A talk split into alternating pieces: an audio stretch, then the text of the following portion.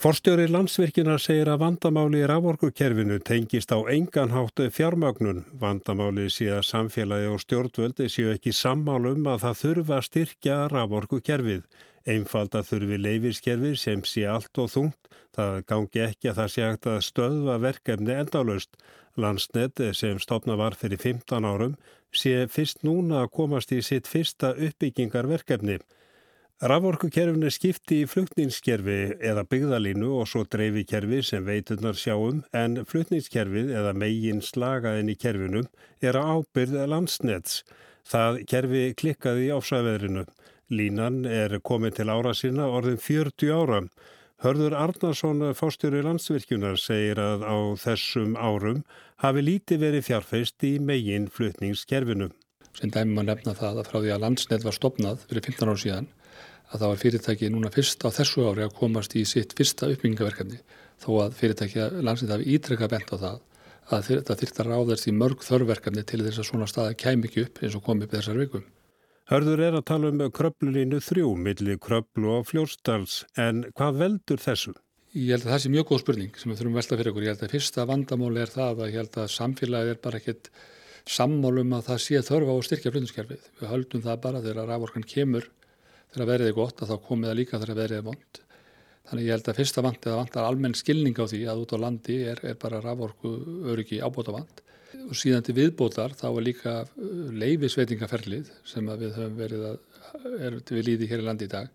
Það er allt og þung til þess að svona verkefni komast í gegn. Þá er ég að segja að við þurfum að hafa ferlið sem að tryggir hagsmunni íbúana og tryggir umhverjusjónamenn en það að það sé að stoppa verkefni endalöst eins og raunin er í dag að það, það, þá kemur upp stað eins og við erum með í dag. Veistu hvernig á að leysa þetta? Ég held að fyrsta málið er að við þurfum að vera sammál um það að það þurfa að vera öflugt flutningskerfi fyrir rávorkum og við þurfum að skilja það uh, hvernig samfélagið breyst og hvaða kröfur, hvaða, hvaða hlutverki rávorkum gegnir. Það er alveg grundverð að það gerist fyrst en síðan þurfum við senda að, að, að breyta reglunum þannig að, hérna, að eftir ákveðin tíma þegar búið að vera að fara í gegnum umhverfismál og samráðsverli að það þurfa þar til bæri stjórnvöld að geta tekið ákvarðinir til hagspóta fyrir samfélagi helsinni. En er ekki hætt við að já, landsnett geti þá svona eina gæsalappa farið á skítum skónum yfir landi og lagt hérna þessar línur? Nei, ég held fyrstulega held ég að landsnett hafi engan áhuga á því og ég held að það sé mikilvægt að, að, að samfélagið og rattir í samfélaginu og umhverju sjónamið Eh, komist mjög stert fram og þau eru haf, hafið mjög stert að leiðiljós við ákvæmlega tegnar en það að það sé hægt að senka ákvæmlega endalust eins og hægt að gera í dag að það er það sem að uh, það er það sem þarf að breytast. Nú er það svo að 80% orkunar fer til já, stóriðju og 20% á til annara nota.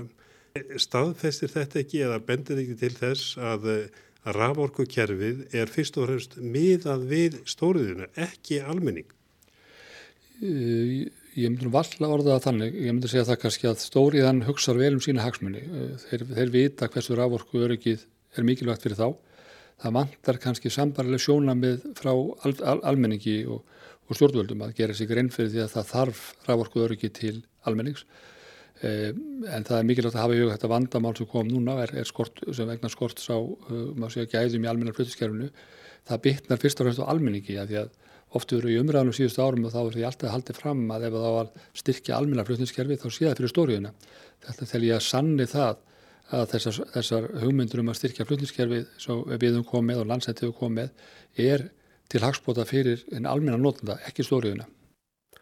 Eftir óveðrið og afleðingar þess hafa stjórnvöld bröðist við. Þjóðarauðvíkistráð var kallað saman í gær og settur yfir að fóta átagshópur sem á að fara í saumana á vandanum. Sigur Ringi Jóhansson er áþur að byggða mála og samgöngumála sagði í speiklunum í gæri að það ætti að skoða það að nýta arðin að veitu fyrirtækjum og landsvirkjun til að byggja upp og treysta raforkukerfið. En hvernig hugnast herði það? Sjálfsögur ráða stjórnvöld því hvað er gert við arðin af fyrirtækjunum en, hérna, en það byrja að hafa það í huga. Ég tel að vandamálið á undarförnum árum og vandamálið sem horfum fram tengist á engan hátt fjármögnun. Uh, landsend hefur því að við verið búin að full fjármagna þar öllu verkefni sem þið vildu fara, fara í á síðustu árum. Það er, ekki fjármagskortur sem er, það er þessi sáttum verkefnin, það er skilningur á verkefnin síðan þörf og hins vegar leifisveitingaferli. Það, það, það er vandamálið en ekki fjármögnun.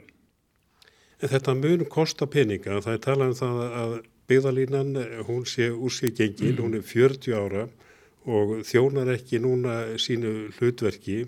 Uh, já, hvað þarf að gera?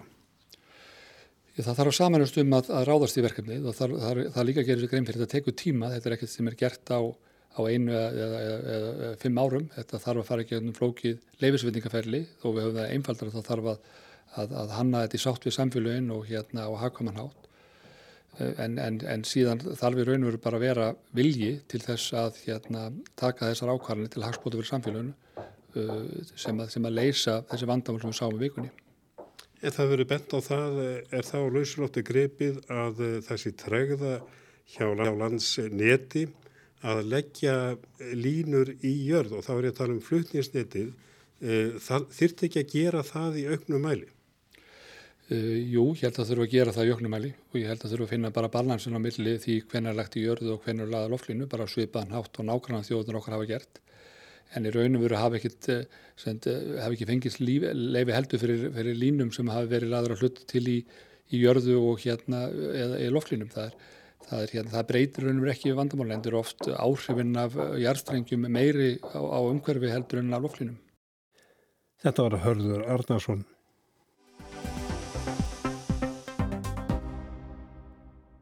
Skýrarlínur. Það er útkoman úr bresku þingkostningunum í gær. Íhaldsflokkurinn fær kláran meiri hluta og tæplega 44% atkveða, verkamannaflokkurinn 32%.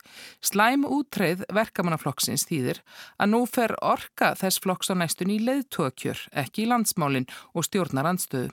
Sigrun Davistóttir hefur fylst með kostningunum en heyrum nú fyrst lokár Bórsa Jónsons í morgun þegar hann ávarpaði stuðningsmenn sína. Let's unite this country. Let's spread opportunity to every corner of the UK with superb education, superb infrastructure and technology. Let's get Brexit done. But first, my friends, let's get breakfast done too. Boris Johnson lofaði þarna stöðningsmönnum sínum að samina þjóðina, útbreyða velmögun með nýjum tækifærum, hespa Brexit af og svo eins og honum er lægið að hespa nú morgunmatnum af og það er kannski ekki síst þessi óháttíðlega framkoma og grín sem fólk kann að metta.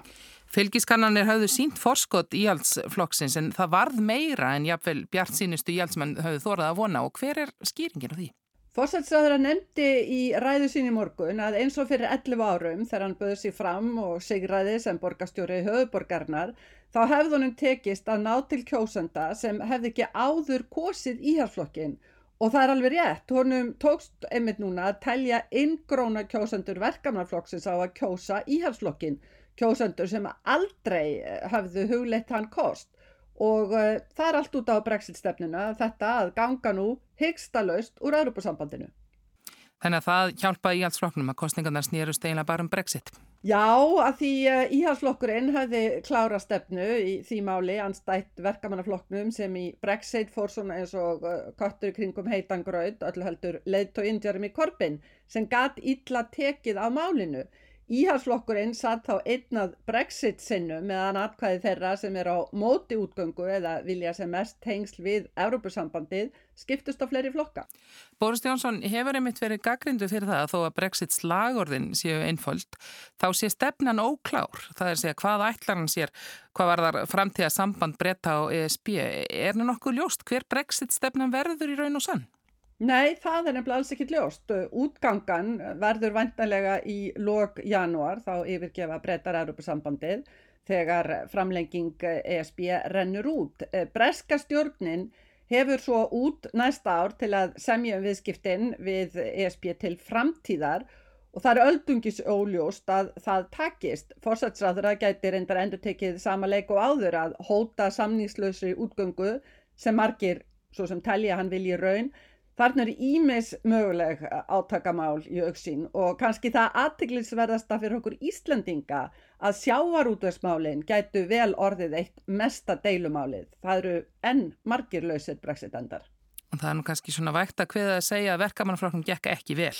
Það er vægtil orða tekið. Hann beigð algjörst afhróð, fekk 203 þingsæti, tapar 59 þingsætum og hefur ekki haft jafnfáa þingmenn síðan 1983 og einmitt þegar flokksfóristan var mjög langt til vinstri eins og núna. Það má segja að þetta séu þriðju kostningarnar sem Jeremy Corbyn, leittói flokksins, tapar. Hann tapaði þjóðrætkvæðagreislunu um ESB 2016 þegar Corbyn sjálfur lagði sér lítið fram og svo kostningunum 2017 þegar flokknum gekk þó betur en á horðist og svo núna vandi verkamannaflokksins núna var leittói sem hafi mist aðdráttaraflið og óklár brexit stefna í viðbót við stefnumál sem einhvern veginn náðu ekki gegn. Og leiðtóa kjörið á þá vantilega eftir að snúast bara, ekki bara um leiðtóa heldur líka um stefnu og bara hvar flokkurinn ætlar að staðsetja sig, hvort það verður jafn langt til vinstri og hefur verið undir korfin.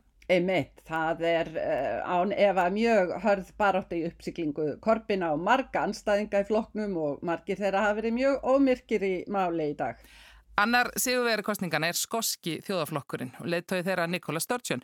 Hún lítur á úslitin sem viðkjöning á því að skotar vilji aðra atkvæðagreðslu um sjálfstæði. The stunning election win last night for the SNP renews, reinforces and strengthens the mandate we have from previous elections to offer the people of Scotland a choice over their future. Já, einmitt eins og hún sæði í dag, nú finnst henni aftur tími til að ræða sjálfstæðismálinn. Flokkurinn bætti við sig 13 þingsætum, hefur nú 48 þingsæti, sjálfstæðismál skota og viljið þeirra til að vera áfram í ESB fléttast algjörlega saman. Ný samtaka bresk ríkistjórn mun kannski eiga öðveldara með Brexit en á móti kemur þessi skoskivandi og svo þetta norðrýrar, þeir vilja heldur ekki úr ESB og það gæti, gæti ítt undir óskýr þar um að saminast Írlandi. Svo það er nokkið erfitt að koma auga á ný átakamál svona í viðbót við Brexit. Nei, þau blasa við og það mun sannlega reyna á leðtoga hæfileika eh, Boris Johnson hvort hann verði sá sem sundri eins og hann hefur verið svolítið hinga til eða hvort hann verði saminningarafli eins og hann lofaði í dag. Lokadagur 2050 lofslagsráðstefnu saminuðu þjóðuna í Madrid er runnin upp en viðræðum er hverki nærri lokið. Helga Barðadóttir, formaður samninganemdar Íslandska kvart lofslagssamningnum og starfsmæður umhverfisaðunetisins, segir að þrátt fyrir að enn sé deilt um það sama og í Katowice í fyrra hafi náðst ákveðin árangur í Madrid. Það liggi betur fyrir um hvaða atriði ríkisju ósamála. Ég rætti við Helgu klukkan fjögur í dag. Þú ert búin að vera að býða í dag eftir því að eh, fórseti ráðstöfnunar uh, Karolína Smith umhverfisáður að tíli ávarpi þingið og upplýsi um stöðuna og það gerðist núna uh, síðdegis. Hvað sagði hún? Já, hún sagði í rauninni það að það var unnið í allan óta því að reyna að koma saman samningstekstum um þau mál sem að standa út af þetta og, og þeir voru byrktir svona fyrir partin í dag og en það er hins vegar engin samstafa alveg um það sem stendur í þeim. Þeir eru ennþá með það sem að í samlingamálinu þá eru hotklóvar um ákveðina, ákveðina aðri að aðfriði í tekstunum sem að þýðir að það er ekki samkomiðlega um þann teksta sem er innan hotklófana. Þannig að þessi tekstar eru mjög, eru útsettir í að hotklófum og jáfnveil heilu skjölinn sem þýðir bara þá eftir að finna að komast að samstöðu um efnið. Ráðstefnan hefur staðið í tvær vikur. Viðræðunar eiga fyrst og fremst að vera vitaminsbrauta fyrir þær sem að hefjast í Glasgow á næsta ári. Þángað eiga ríkir nefnilega að koma með uppfærið markmið í fartaskinu skotelt plön sem raunverulega döga til að halda línuninni innan við tværgraður og helst innan við einu halva. Í Madrid á líka ljúka við sjöttugrein Parísasamkomlagsins sem var það eina sem út af stóð eftir viðræðunar í Katowice í Pólandi í fyrra.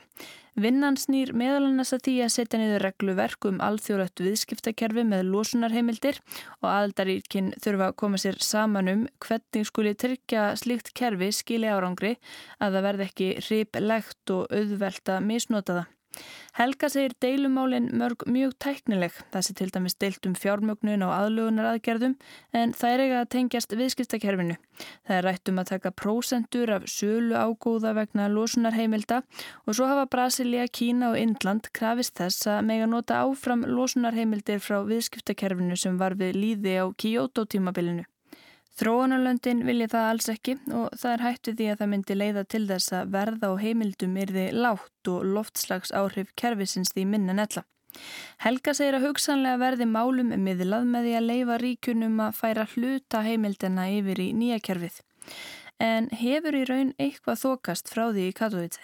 Já, ég myndi að segja það og það er svona búið að svona skýra línurnar um það hvað það er sem eru ekki sammálum og, og þá er líka kannski hægt að fara að vinna með einhver að komast að einhverju samkomiðlægi þá þurfa kannski allir að gefa eitthvað eftir eins og gerist í samkom þegar menn er í samningum og svo kannski smellur þetta allt á einhverjum tímapunkti þá horfa menn á allt sem er undir eins og eitt pakka og þegar, menn eru sáttið við allt þá smellur allt Helga segir ómögulegt að segja til um hvenar það smellur. Ráðstefnunni átt að ljúka klukkan 6 í dag en hún segir augljósta það gangi ekki eftir. Kanski klárst þetta í nótt, kanski um helgina. Þá sé alls ekki víst að það náist að ljúka vinnunni við sjöttugreinina á þessari ráðstefnu eins og til stóð. Tækist það ekki þurfi samtan á samstöðum næstu skrif hvað þurfa að vinna áfram með þannig að ríkin séu sammála um hvað skuli ræða næst. Það getur líka bara verið stór áfangi að, að, að svona svona samningar geta tekið bara mjög langa tíma og, klárast kannski ekki á einum fundi. En hafa viðræðunar í árvaldi vonbröðum.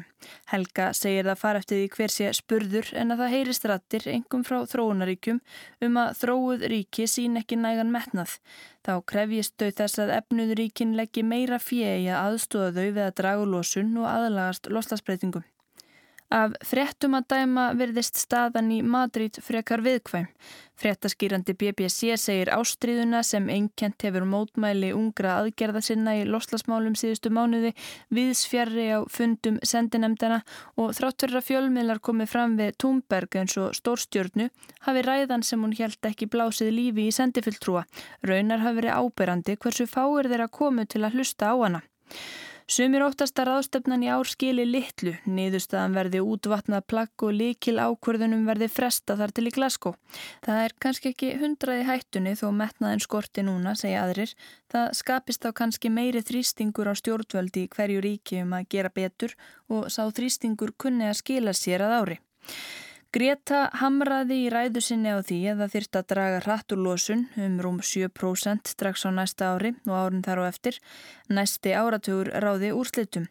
Þetta megi ekki gleymast í öllu talinu um hann á kólefnis hlutleysi fyrir árið 2050. Real danger is when politicians and CEOs are making it look like real action is happening when in fact almost nothing is being done apart from clever accounting and creative PR. Megin hættan liggur ekki í aðgerðaleysi, sagði hún, heldur í leiðtúum sem þykjast vera að taka á loslasókninni en eru í rauninni ekki að gera neitt, slá bara um sig með bókaldsbrellum og spuna. Um 80 ríki hafa heitið því að setja sér metnaðar fyllri markmið fyrir næsta ár en þau eru einingis ábyrg fyrir um 10% heimslosunar.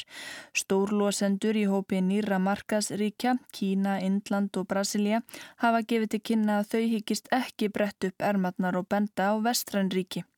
Í viðræðinum hefur sangat frétt AFP líka borið á rígmiðli fátækra og berskjaldara ríkja og nýra markaðsríkja sem þó teljast þróunaríki, til dæmis Kína sem losar mest allra ríkja og Indlands sem er í fjórða sæti yfir ríki sem mest losa. Smá eiríki eru mörg hver orðin langþreytt enda loftslagsbreytingar þegar farnar að ógna tilvistira.